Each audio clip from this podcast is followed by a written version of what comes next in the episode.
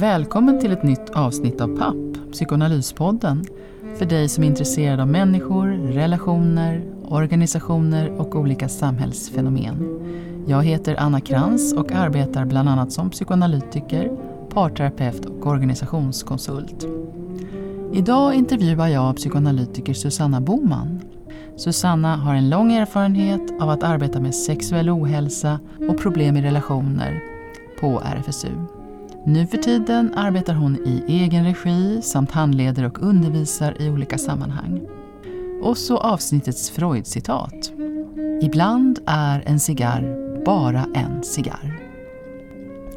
Nu över till vår mobila studio där Pelle Lind sköter tekniken och kommer med små inhopp. Okej, nu är vi här igen och vi är hemma hos Susanna Boman i hennes hem eh, för den här inspelningen. Och dagens tema är ju sexualitet. Men innan vi dyker in i det ämnet så vill jag att du berättar lite om dig själv Susanna. Lite din bakgrund, vad du har jobbat med, vad som driver dig. Ja, alltså jag är, socionom i grunden och utbildad på Socialhögskolan i Östersund. Och efter det, eller under det, så gjorde jag praktik inom narkomanvården i Stockholm och det var där jag kom i kontakt med psykoanalytisk teori, för det var influerat av psykodynamiskt tänkande och miljöterapi och psykoanalytiskt tänkande. Så jag hade många handledare som var psykoanalytiker och som då ledde mig in på ja, psykodynamiskt psykoanalytiskt tänkande. Men sen när man lade ner nästan alla institutioner inom kommunen och började knoppa av de här verksamheterna som var väldigt bra, då stod jag inför valet vad jag skulle göra. Och då tänkte jag att jag skulle berätta om mina erfarenheter på något annat sätt, så då blev jag fotograf. Jaha. Dokumentärfotograf. Och man kan tycka att det är ett stort kliv, men det är ganska, ganska näraliggande eftersom det är ett annat sätt att ta del av människors miljöer och inre, att komma in i deras hem och deras berättelser. 2007 så eh, gick jag psykoanalytikerutbildningen. Eh, så min väg har varit liksom eh, lång och lite krokig kan man säga. Men eh, jag har på något sätt samlat på mig erfarenhet av människors berättelser på olika sätt. Mm. Och RFSU-kliniken där jag jobbat i 21 år, jag gör inte det längre sedan två år tillbaka, åren på RFSU var ju väldigt viktiga därför att det var ju också ett sätt att kunna utifrån kliniska erfarenheter eh, bedriva förändringsarbete skulle man kunna säga. För RFSU-kliniken på den tiden gav utrymme för ett slags forskningsarbete kan man säga som inte var knutet till, till universitet eller så. Men vi kunde borra djupt i frågor om till exempel varför säljer eller köper man sex? Om man säger att man har ett lyckligt samliv med sin partner. Eller varför säljer man sex om man inte är narkoman eller om man inte behöver göra det av fattigdomsskäl? Och vad är då de psykologiska Eh, bakomliggande drivkrafterna till det. Alltså den typen av undersökningar kunde vi göra genom att ta emot eh, ja, kvinnor och män i längre psykoterapier som till skillnad från djupintervjuer kunde ge en bild av liksom inre psykologiska drivkrafter. Mm. Och den där typen av forskningsarbete som sen har lett till rapporter och det har varit om män som har varit utsatta för sexuella övergrepp eller smärta vid sex, eller ja, den typen av mm. djupdykningar i, i kliniken ledde ju också till att vi berättade om våra kliniska erfarenheter mm. i olika utbildningssammanhang och därav mina rötter även idag till Ersta Sköndal. Mm. Genom den kliniska erfarenheten kunde vi också driva sexualpolitiska frågor. Mm. Och det där liksom samhällsengagemanget har varit någonting som har drivit mig mm. att jobba på RFSU och som också har gjort det roligt eh, att man kan använda sin kunskap på olika mm. sätt. Mm. Men det här arbetet har varit liksom väldigt givande. Um, du, du har ju jobbat då länge på RFSU men gör det inte längre. Men om vi liksom backar tillbaks lite till, till de här åren då eh, när du jobbade där. Eh, vad, vad var det vanligaste man sökte för? Alltså vilket lidande var liksom det vanligaste man kom till er med på RFSU-mottagningen? Det vanliga, alltså det där är så spännande faktiskt för att det har ju ändrat sig lite genom åren kan man säga. Mm. Det som är intressant med den psykoterapeutiska verksamheten på RFSU-kliniken det är ju att det alltid har varit en majoritet av män som har sökt mm. Eh, psykoterapi på grund av liksom, sexuella symptom. Mm. Och det skiljer ju RFSU-kliniken från alla andra mottagningar som domineras av eh, kvinnor som efterfrågar psykoterapi och vill förstå någonting av sig själva och av relationer. Mm. Eh, och så har det varit sedan 1933.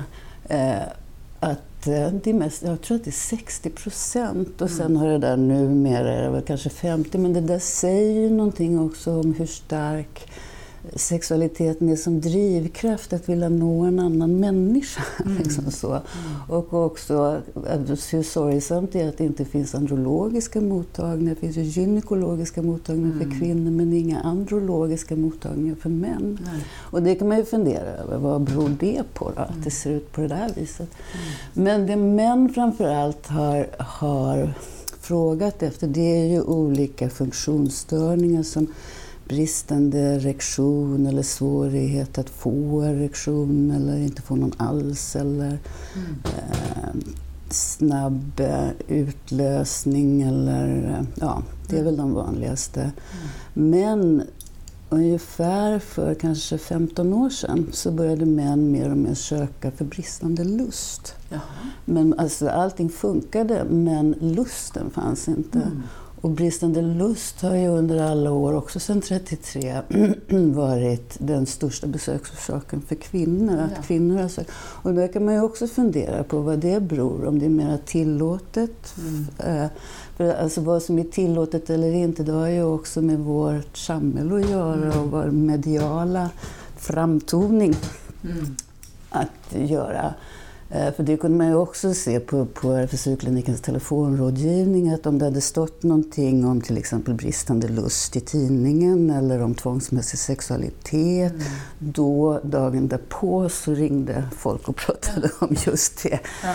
Så ibland tänkte man, oj, är det Kalle Sändare eller ja. vad är det här för någonting? Men, men, eh, och det var bägge könen då som... Ja, bägge könen som ringde. Mm. Och, men också, ja, majoriteten var faktiskt män. Och det här var ju en telefonrådgivning och det har de ju fortfarande som är rikstäckande, alltså mm. alltså som man kunde ringa från hela landet mm. och fråga. Och det gav ju också en ganska stor kunskap om den sexuella hälsan mm. eller ohälsan mm. i landet. Men också gav det ju en bild av vad det fanns för resurser mm. eller inte resurser för omhändertagande av de här mm. sexuella frågorna och problemen. Men alltså, funktionsstörningar som vi kommer att kalla det för, lite fyrkantigt. Det var väl den främsta anledningen eh, att söka mm. för män mm. Eh, och för kvinnor bristande lust. Mm. Men sen under en period handlade det ju väldigt mycket om eh, porr och porr, man kallar porrmissbruk eller sexuell tvångsmässighet eller beroendeproblematik. Mm. Eh, därför att det skrevs mycket om det. Och då ökade ju naturligtvis den gruppen, men den har väl aldrig dominerat. Men, men det där har kommit i vågor. Och när jag började jobba på RFSU-kliniken 96, mm. då var det också ganska många som ringde som, som hade en avvikande sexualitet eller som tyckte att de eh, inte riktigt var som andra och som hade kanske tände på nylonstrumpor mm. eller ville ha någonting, något fetisch, ja. fetischiskt inslag. Och eh, den gruppen minskade eh, runt 2000 så liksom var det nästan inga sådana samtal längre och inga sådana som ville komma heller. Ja. Och det tänker jag beror på internet. Det vill säga att man kunde hitta någon som var likadan ja. eller någon som ja. man kunde ha det bra med. Det, det, det, där tycker jag är... Eh, det där som, som eh, har kallats för perversioner. Det där som är liksom avviker från normen. Eh, och, och att det tidigare har varit tabu, fult, skamligt, dåligt. Eh, men sen, sen kom jag att tänka på eh, en, en frågespalt eh, som kom kanske på 70-talet, Inge och Sten. Och då var det väl ofta så här, är jag pervers? Och så var svaret nästan alltid Nej då, möjligen en smula annorlunda. Eller hur? och att, att, att det där har ju eh, tagit bort då mycket skam, alltså successivt tagit bort mycket skam och skuld kring det som tidigare då betraktades som perversioner. Mm. Eh, avvikande sexualitet. Eh, för, och, och, där kan vi ju knyta an lite till Freud för att han, hans te, och här vill jag höra vad du tycker, tycker om hans tes. Den här som handlar om att barnet är polymorft perverst. Mm. Alltså att barnet har inga hämningar, inga, gränsningar, inga gränser för njutning. Det är liksom hela kroppen och det spelar ingen roll om det är liksom tjejer eller killar eller oralt, analt eller vad det nu är. Utan, utan det kommer sen en, en eh, socialisering där, där man skammar och skuldbelägger barnet successivt för det beteende som ligger då utanför den rådande normen. Och att Freud säger att kruxet, frågan är inte hur en människa så att säga utvecklar en så kallad då perversion, utan kruxet är hur blir den mänskliga sexualiteten så, så, så att säga normal? Vad, vad, tänker du om hans tes om det polymorft perversa barnet? Jag tycker att den är ganska, ska säga, det är en, en, ganska bra tanke. Därför att vårt första jag, det är också Freuds, det är ju ett kroppsjag. Alltså ja. att vi upplever allting via kroppen och våra sinnligheter och våra ja. öppningar. Och, ja. och också att det är intimiteten eller kärleken eh, finns kvar. Mm. Jag tänker kyssen som också det där som kan minna eller erinra oss om att suga på bröstet. Eller nappflaskan eller vad det nu är. Mm. Eller mm. förälskelsen i vuxen ålder som ju också minner om eh, den där, alltså att vi också blir till i någon annans ögon mm. eller, eller hoppas bli tolkade av någon annans eh, ögon mm. eller ser saker i någon annans ögon som är våra egna fantasier eller mm. förhoppningar och begär. Mm. Och att det hela tiden också finns i sexualiteten. Och det, det tar ju Freud upp genom att prata om alla de här erogena zonerna, det orala och det, det anala stadiet. Mm. Och där det handlar om att bi, alltså orala handlar om att bita eller bita ifrån, där ju liksom också mm. aggressivitet och frustrationen ja. finns, som ju är hans driftsteori kan mm. man ju mm. säga, de här starka krafterna som han blev ganska kritiserad och kanske missförstådd i. Mm. Men där, där ligger ju den här infantila sexualiteten som jag tänker att vi alla har stråk kvar mm. i oss och där vi också alla på ett sätt är perversa på ja, ett eller annat ja. sätt. Eh, och, men, men inte alltid och inte hela tiden och, och, så, men där det finns eh, ja, just stråk. Ja. Och för vissa är de där stråken kanske mycket starkare av olika skäl, för man kanske inte har blivit speglad eller liksom eh, erfarit. För det handlar ju också, den infantila sexualiteten övergår ju till någonting annat. Mm. Eh, den, den, måste säga, den lutar sig eller den vilar eller den knyter an till kroppen. Förstone men sen frigör den sig också kanske lite mer kroppsligt för att mera bli någonting som blir själsligt, alltså en inre värld. Mm. Och där skiljer sig Freud från de samtida sexologerna som ju bara tittade på sexualiteten och ville kategorisera och tala om vad som var perverst och inte. Och, mm. uh, han Kraft Ebering till exempel som kom med Patologia sexualis någon gång i slutet på 1880-talet. Mm. Uh, medan Freud gör någonting helt annat. Alltså han kopplar ju sexualiteten till, eh, till psyket. Alltså att det är mm. det som föder det som han kallar den psykiska apparaten. Att, att våra, alltså, psyket är grundat i våra kroppsliga I kroppen, ja. erfarenheter och att kroppen hela tiden kopplar ihop psykosoma på ett sätt som ingen annan gör. Och det är Mm. Ja, därför jag verkligen tycker att Freud fortfarande är så aktuell. Mm. För även kroppen har ju kommit bort i den psykoanalytiska teorin Mm. genom åren. Och det där har ju också pendlat fram och tillbaka. Medan jag-psykologin till exempel inte hade så mycket kropp och objektrelationsteorin också kanske på ett sätt tappade kroppen. Ja. Men, men de där svängningarna har ju varit fram och tillbaka. Ja. Eh, och, eh, men kroppen är väsentlig, Mm. verkligen. Jag tänker på, på den här svängningen mellan eh, det som tidigare var så mycket tabu och man, man skulle vara liksom normal och var, man skulle vara heterosexuell och man skulle helst bara ha liksom missionärsställningen. Alltså, pendeln har svängt och man hör lite grann ungdomar prata om eh, tråkig vaniljsex och kontra då det som kallas för kinky sex. Att det, det, har, har du uppfattat det så också att, att det, det finns krav på ungdomar, kanske i äldre generationen också, att, att, eh, att liksom vara så där lite mer utsvävande och, och eh, ställa upp på det ena och det andra som man kanske egentligen inte vill, men att, i, att det finns en sån tidsanda där det är lite mer normalt att hålla på kanske med kinky sex. Jag vet inte hur du, vad du har uppfattat av liksom tidsandan idag. Alltså det är svårt att säga. Det finns så många motsägelsefulla berättelser. Eh, Eh, Det finns ju de, precis det där som du talar om, att kinky i förhållande till vaniljsex som är något lite föraktligt, liksom vanligt. Men, eh, och sen finns det de här undersökningarna som säger att eller unga vuxna inte alls har sex längre. Eh, Att, att det har på något sätt eh, ja, eh, mycket mindre frekvens därför att det finns psykisk ohälsa och det är stress och det är allt möjligt. Så.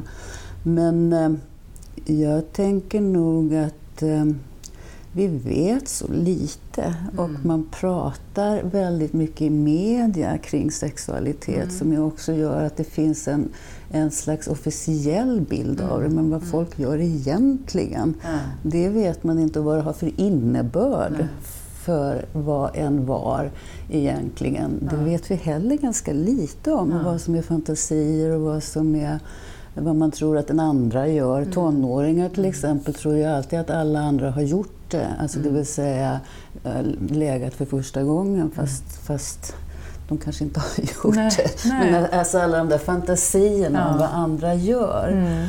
Och nu när vi har alla tv-program, som, det finns inte ett tv-program som, med självaktning som inte har någon spalt eller någon, Mm. någon timme omkring sexualitet, så är vi omgivna av sexualitet Mm. eh, på ett sätt som vi inte har varit tidigare. Elise Ottsen-Jensen som startade RFSU, hon menade ju att upplysning var otroligt viktigt Mm. och eh, jämlikhet mellan man och kvinna och att liksom en spirande sexualitet skulle finnas. Men Mm. jag tänker att om Elise Ottsen-Jensen hade levt idag så kanske hon hade sagt värna integriteten.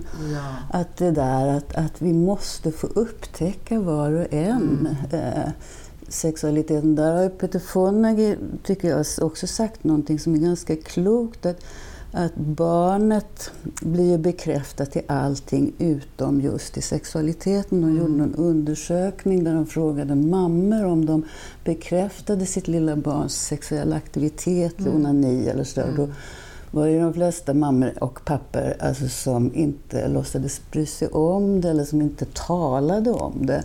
Att det där tabubelagda. Så att det är ju någon mening en främmande del i oss själva, att den är inte integrerad. Nej. Men det är ju den som upptäcks då i framförallt eh, under puberteten, i tonåren, att man provar sig fram och man, man Men alltså, idag finns ju också internet och närheten till porren där som ger en bild och kanske ställer krav på som är lite annorlunda än vad de gjorde tidigare. ja, ja. Märker du någonting av det hos ungdomar? Att, De, jag har ju en hel del kontakt med ungdomsmottagningar via ut, mina utbildningar genom Ersta Sköndal högskola.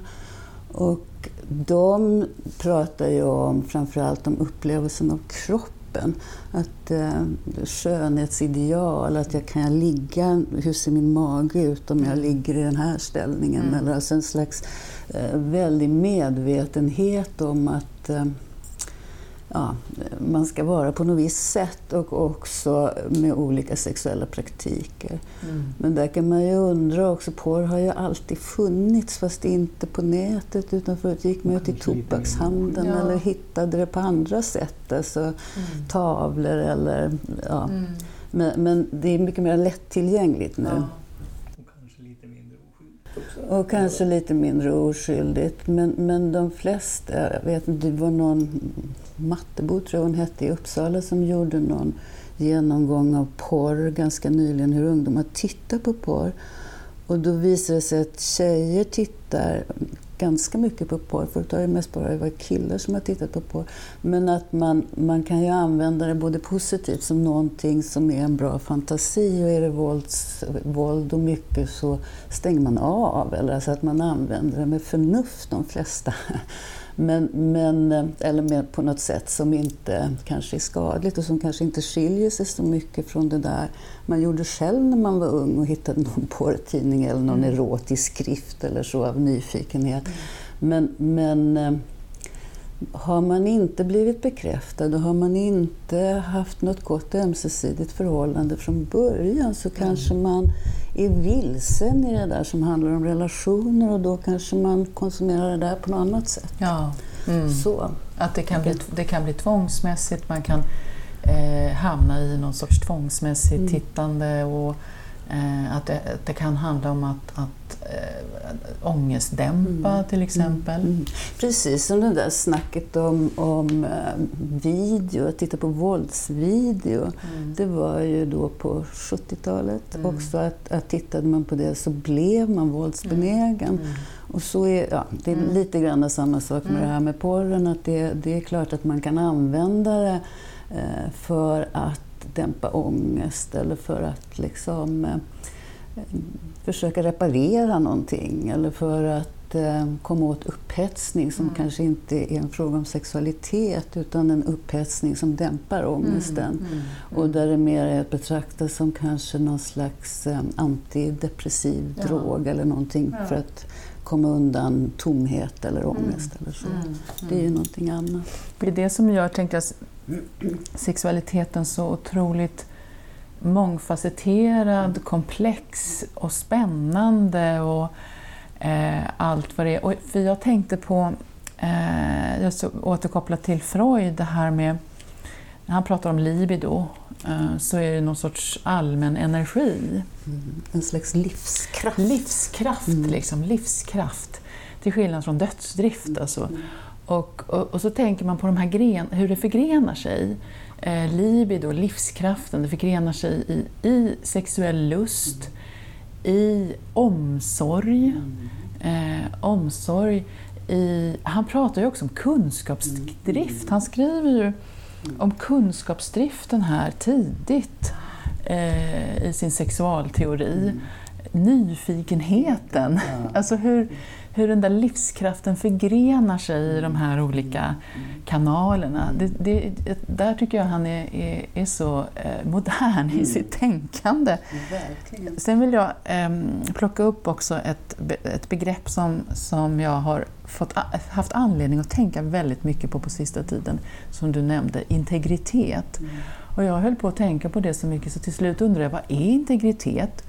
Och så slog jag upp det mm. och så kom, kom den här lilla textsnutten fram. Alltså integritet.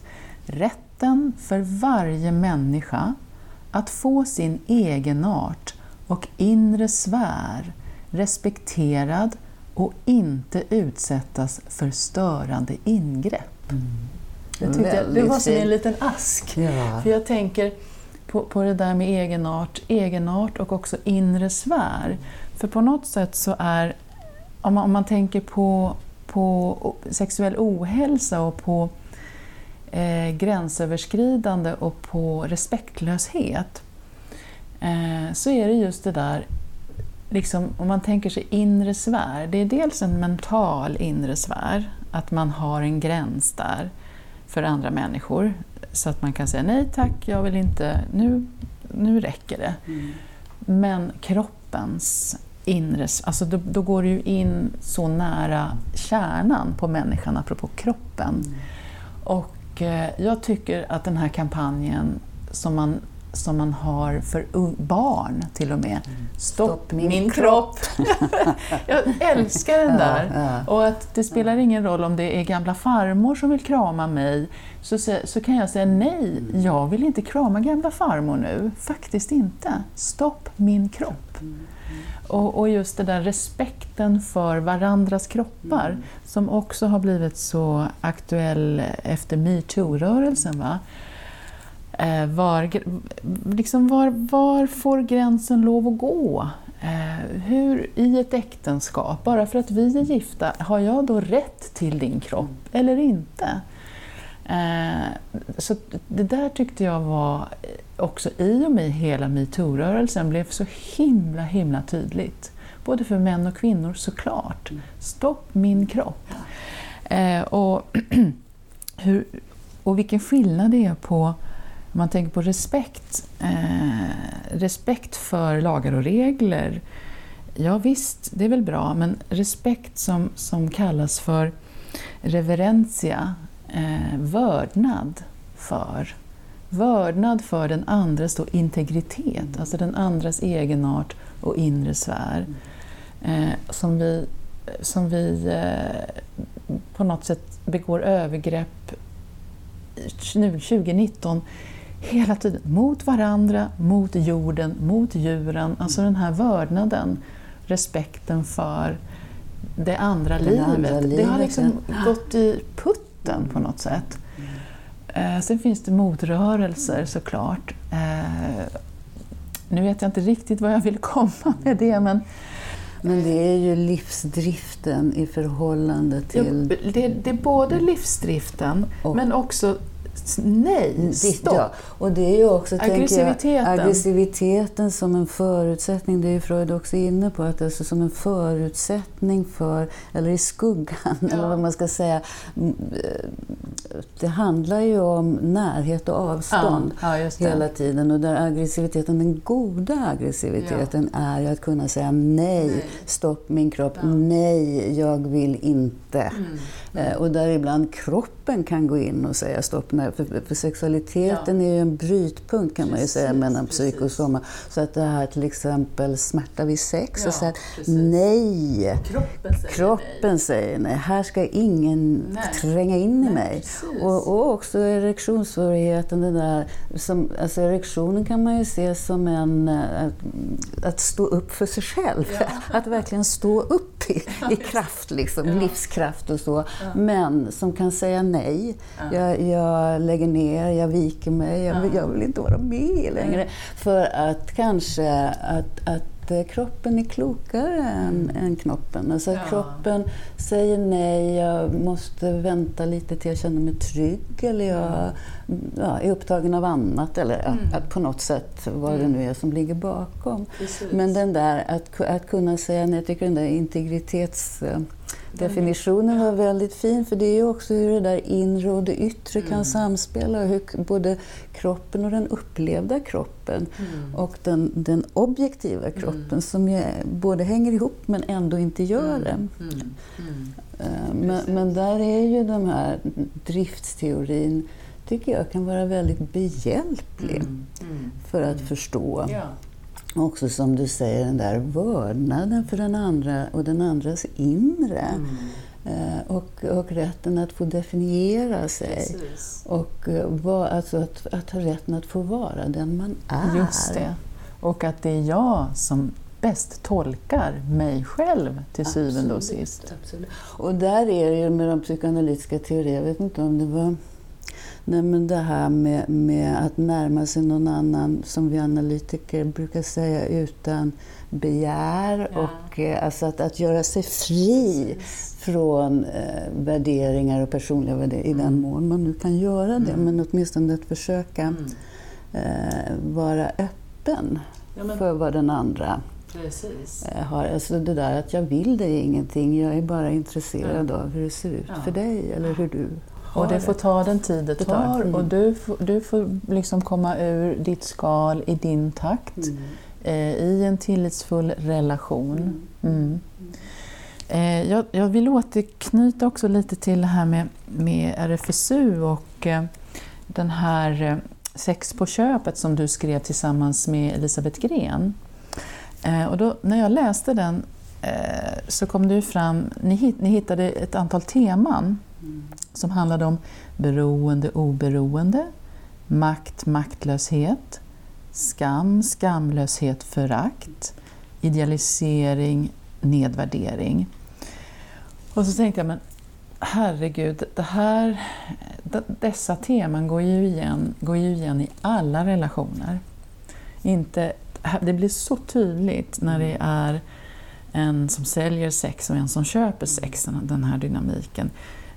Och jag, jag misstänker att ni, ni också fångade upp det och, och, och, har tänkt väldigt mycket på det också i om ni jobbar med par eller har jobbat med par på RFSU? Det har vi gjort, ja. men inte jag så mycket. Nej, men andra, men andra har, har jobbat med par. Mm. mm. Att, att nå fram till en, en relation då där, man, där det inte liksom handlar om eh, överta, över, att man är överlägsen, underlägsen. Att hitta den balansen hela tiden mellan, mellan de här motsatsparen. Mm. Eh, när, när det gäller då, alltså det finns ju någon som, som brukar säga att vi har en, en core shame, alltså mm.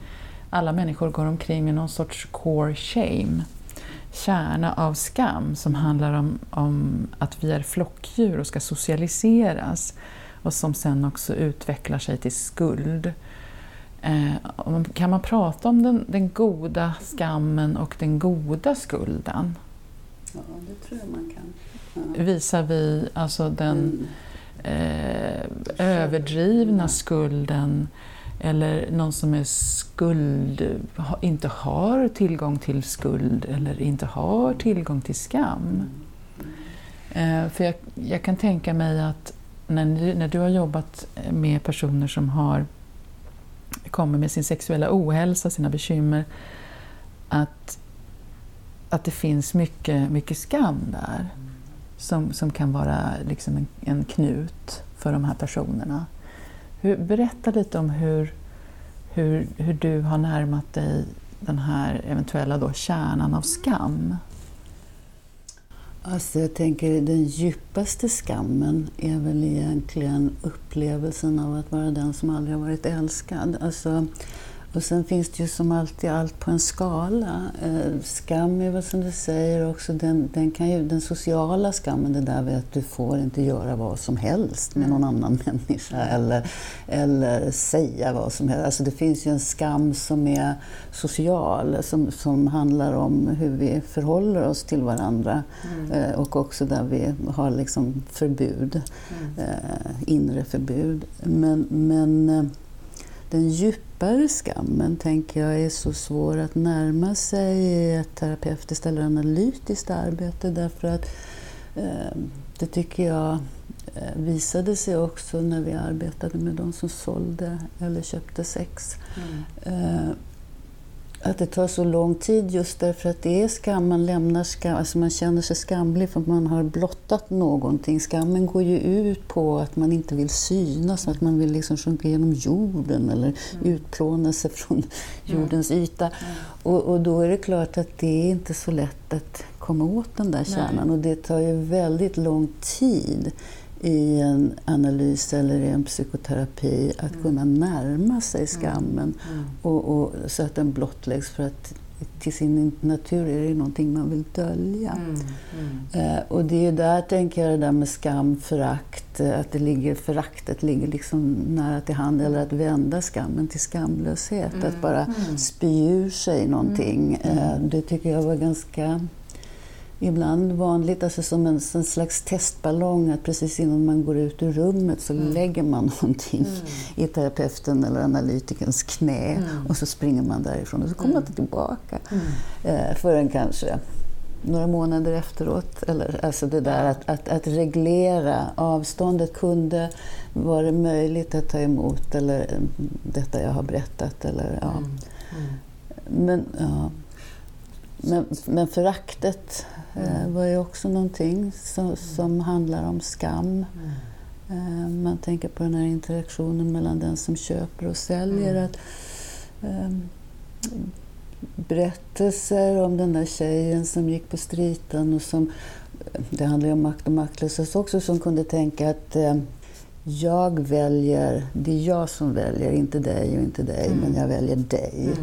Mm. Och, och då alltså ha makt att vara den som är åtrådd eller Mm. också begärd men också kan välja Mm. eh, som en slags eh, kompensation för maktlöshet. Att Mm. man då blir regissör i sitt eget drama på något sätt. Men sen så är det ju så att den där köparen är ju ganska föraktlig. Mm. Eh, många historier kring det som berättades. Och vem blir då hon som väljer den här föraktliga torsken? Då studsar ju föraktet tillbaka till henne själv eh, som en Mm. som inte är värd. Alltså hela den där dynamiken och, och också att vi kunde känna av det i behandlingsrummet. Att, att det där också blev liksom ett, ett, eh, Ja. en dynamik mellan terapeut och eh, ja, För, för jag tänker mm. med ert jobb som, som måste ha blivit så himla centralt, är att gå från att gå från jag är värdelös, andra är opålitliga, jag kan inte kommunicera med andra människor, jag vet inte ens riktigt vad jag tycker och tänker själv, vad jag behöver och inte behöver, jag kan inte kommunicera. Alltså att gå från det till att kanske för första gången känna sig på riktigt värdefull och för första gången kanske på riktigt kunna lita på en annan människa och att lära sig att kommunicera, alltså förstå och lyssna på sina egna behov och kunna kommunicera dem utåt. Alltså, jag tänker på de som, som gick lite längre då, som jag läste om här. Att, att de kunde närma sig eh, en, en, en sån... Eh, eh att, att mer kunna vara där. Att gå från, från det där till det där. Alltså. Det, var, är det, och det kan man ju också, tänker jag, känna i... Det är ju många andra terapier som inte handlar om primärt eh, sexuell ohälsa eller sexuellt trauma, utan det är det, liksom lite den rörelsen. Så. Och det är väl det där att reglera närhet och avstånd som vi alla människor håller på med mer eller mindre. Precis. Och vissa människor blir det där mycket, mycket svårare. Ja. Alltså att antingen är man nära och då är man för nära och då måste man Ja. väldigt långt bort. och Just sen det. är man så himla långt bort så man Ja. måste komma nära. Och då blir pendlingarna så stora. Men det går alltså... eh, Alla människor pysslar ju med det. Ja. Eh, men, men där svängningarna kanske inte blir riktigt lika stora. Så att det, men, men det är ju en mänskliga, Mm. eh, ett mänskligt dilemma, skulle man kunna säga. Ja, men det är ju det. För jag tänkte verkligen på, på de här motsatsparen. Det här som du tog upp nu sist också, när, närhet och avstånd. Liksom hur, man, hur man ska balansera det. Och det håller vi på med allihopa, mer eller mindre. Men som handlar mycket om mina gränser, andras gränser. Och det där är ju också, jag tänker på vårt första kroppsjag och driftsteorit. Ibland tänker jag också att det där, vi har ju varit alla i en kropp. Ja, ja. Vi har ju fötts ut ur någon annan. Ja. Och sen har vi liksom blivit till i någon annans händer och ögon och blivit identifierade via kroppen. Ja. Och, och hela den där utvecklingen, så, så småningom så lär vi oss att sätta ord eller vi blir hjälpta av att Mm. sätta ord på det vi känner. Alltså symboliseringsförmågan som ju också Ja. skiljer oss från alla andra djur. Vi har en jättelång tillblivelse Ja. från det vi pluppar ut till det Ja. vi liksom kan stå på Ja. ganska hyfsat på egna ben Ja. som unga vuxna. Ja. Eh, och det är väl nästan bara elefanterna som har samma liksom långa tillblivelsetid för att liksom bli hyfsat stadiga Ja, personer och individer. Men, men, men den där symboliseringsförmågan som Mm. ju också med hjälp av föräldrar att bli tolkade. Mm. Liksom. Mm. Och det där gör ju att vi har ett speciellt förhållande till kroppen Mm. och, och också att kunna vara ensamma Mm. tillsammans med Mm. någon annan. Det. Och det kan ju vara så hotfullt om man inte har fått den tryggheten att det går att, det var väl Winnicott som sa det där, att Mm. kunna förmågan att vara ensam Mm. ihop med någon annan. Precis. Men, men hur den där ensamheten om man inte har fått den tryggheten kan vara så förödande så att det blir som en förintelseångest. Mm. Det där har jag också mm. tänkt att Freuds begrepp med dödsdriften är just det där att det alltså överlevnad. Vi måste mm. kunna knyta an till mm. någon annan. Mm. Vi, måste, vi behöver varandra, vi behöver eh, relationer, vi måste finnas i ett sammanhang. Mm. Vi... Eh, det är liksom livsdriften och kunskapsdriften, att försöka förstå mm. vem den andra är, vem jag är, vem, eh, och hur vi hänger ihop. Och det är det som alla barn frågar sig också, vem är jag och hur har jag blivit till ja. och var kommer jag ifrån? Ja, med storken. med storken, just det. Ja, du kommer storken.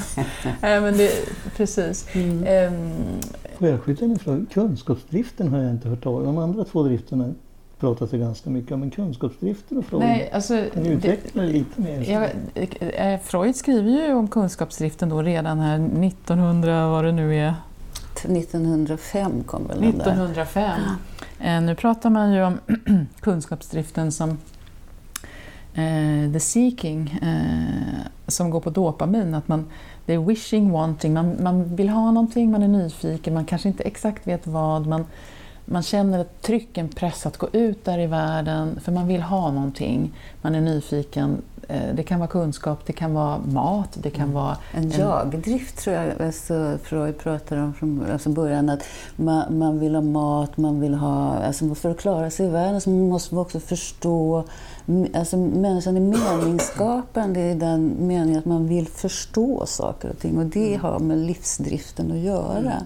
Men, men om man, alltså livsdriften betyder ju så mycket. Det är ju mm. både det här att eh, hunger och törst och det här som är mer biologiskt medan kunskapsdriften och kanske också livsdriften är mer psykologisk mm. i meningen av att man vill försöka förstå någonting mm. av hur saker och ting hänger samman eh, nyfikenheten som det där lilla barnet har. Alltså nu, nu är jag så förbannad för jag vill inte krypa och så försöker man mm. stå och så ramlar man och så försöker man. Alltså, den där alltså kunsk att erövra kunskap mm. eh, om att eh, inte bara stå utan klara sig i livet. Alltså, som betyder alltså, ja. nyfikenhet på hur, hur saker och ting hänger samman. Ja, där är vi människor så, så där skiljer vi oss definitivt från alla andra däggdjur. Eh, den här kun, just kunskaps, nyfikenheten, vilja veta, ta reda på hur, hur hänger det här mm, ihop. Mm, mm. Och analytisk förmåga och också emotionellt, kognitivt, alltså på alla, alla sätt. Ja. Eh, innan vi börjar liksom runda av det här, ja, det känns som att vi skulle kunna sitta här i flera timmar faktiskt. Det här är så intressant. Det är jättespännande. Ja. Eh, men om vi, om vi avslutar lite grann med det här som handlar om, om säg att vi har lyssnare där ute som undrar över, okej, okay, det här som är så viktigt med sexuell hälsa, hur, om jag har problem, hur, hur, hur når jag då dit? Vad ska jag göra? Hur ska jag tänka? Vad ska jag läsa? Måste jag gå i terapi? Hur, hur hänger, det, hänger det ihop? Vad, vad, vad ska vi säga då? Jag tänker att den, den, eh, psykiska hälsan hänger ihop med den sexuella hälsan och den fysiska hälsan. Det, det, apropå att allting hänger ja. ihop. Mm. Är, är, ja, alltså är du deprimerad så har du kanske ingen lust. Mm. Det har man kanske inte om man är... Alltså det är ganska vanligt att man inte har det. Mm. Det betyder ju inte att lusten inte finns utan mm. att den kanske måste återerövras. Alltså lusten till livet, lusten till sexualiteten, lusten till andra människor människor. Eh, men jag tänker att sexualiteten är så djupt förbundet både med kroppen och också med relationer. Och arbetet på RFSU var ju så spännande därför att människor sökte för sexuella svårigheter och problem och i och med det så kom man ju nästan rakt in i det där essentiella i vad det är att vara människa och hur man kommer någon annan nära. Så ingången var ju sexualiteten, eller det sexuella symptomet. Och symptomet kunde ju handla om någonting som fanns, alltså något svårighet i, i det som handlade om idag, att man hade blivit arbetslös eller att föräldrarna hade skilt sig eller att mormor hade dött eller partnern hade ja, försvunnit mm. eller vad det nu kunde ha mm. varit. Så någonting idag. Men det kunde också vara någonting som hade djupare rötter i ens livshistoria mm. eh, som gjorde att det blev mera genomgripande och svårt när det handlade om intimitet och relationer och komma någon annan människa nära. Mm. Så att det, även om ingången var sexualitet så, så, så kom vi nästan direkt in i mm. de där frågorna som var ja, väsentliga. Mm. Man säga, för, och det, jag tänker då att, att eh, den sexuella hälsan hänger så väldigt mycket ihop med den psykiska och fysiska hälsan. Mm.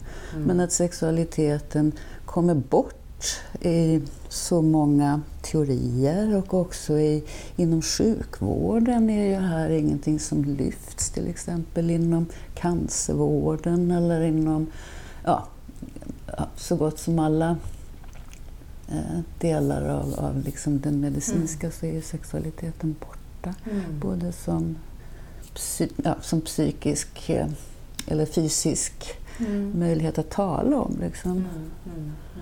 Mm, mm, mm. Eh, och det finns väldigt lite av det i våra människovårdande eh, utbildningar, att man talar om sexualitet mm. också. Mm. Eh, så Freud var ju banbrytande ja. faktiskt och sen har det lite grann kommit i skymundan. Men mm. även om det finns i vår liksom, vår mediala verklighet. Mm. Så när det kommer till enskilda personer så är det ju fortfarande någonting som är både svårt och intimt att prata om både för behandlaren och för ja, patienten. Precis. Därför att vi alla är sexuella varelser ja. och det är kanske är det som också gör det lite extra mm. svårt. Och för där tänker jag att, att just när man, man träffar en, en eh, hjälpsökande, någon som har lidande, att, att fråga om den sexuella hälsan, apropå det här med respekt för integriteten, det kan vara väldigt känsligt att, att, att häva ur sig någonting, fråga hur, ja, hur har du det med din sexualitet? Eller det, det, det är en, en finkänslig gräns där. Fast jag tror att det är viktigt i varje anamnes att åtminstone nämna hur har du det med samlivet mm. eller alltså, någon fråga som inte mm. blir så provocerande. Mm. Därför att då finns det möjlighet att lyfta det när mm. den personen själv vill och alla mm. undersökningar visar ju att eh, det är liksom behandlarens uppgift att bjuda mm. in mm. till ett mm. samtal om sexualitet men utan att bli för penetrerande eller mm. påträngande mm. men inte heller eh, avvisande Just för det. Mm. Och det där är en balansgång och man måste hitta någon slags formulering som ligger bra i ens egen mun men som också eh, visar att här är det möjligt mm. om du vill. Mm, precis. Och, och, och, då tror jag, för, för de flesta patienter är ju seismografiskt känsliga mm. av vad, vi, mm. vad de tror att vi står ut med att höra mm. eller inte ja, höra. Mm. Eh, innan vi eh, sätter punkt här, är det någonting annat som du vill förmedla till lyssnarna? Nej. Nej. du kanske kommer på något? Jag kanske kommer på ja, något. Inte just nu, men det, det, är som du säger, det här är ett outtömligt samtalsämne. Ja. Alltså, det väcker ju nya frågor och tankar ja, hela tiden. Och det är ett väldigt brett fält och det är så genomgripande, för sexualiteten är ju en genomgripande kraft från det vi ligger i magen ja. till dess vi dör. Och mm. där är ju också liksom livskraft eller livsdrift och dödsdrift. Ja. I skuggan av döden så måste vi leva ja. och fortplanta oss Precis. och vara och liksom ta vara på varandra och oss själva. Mm. Så, mm. Det tycker jag blir ett jättebra slutord. okay. Tack så jätte, jättemycket för att vi fick komma hem till dig och att vi kunde ha den här intervjun. Tack!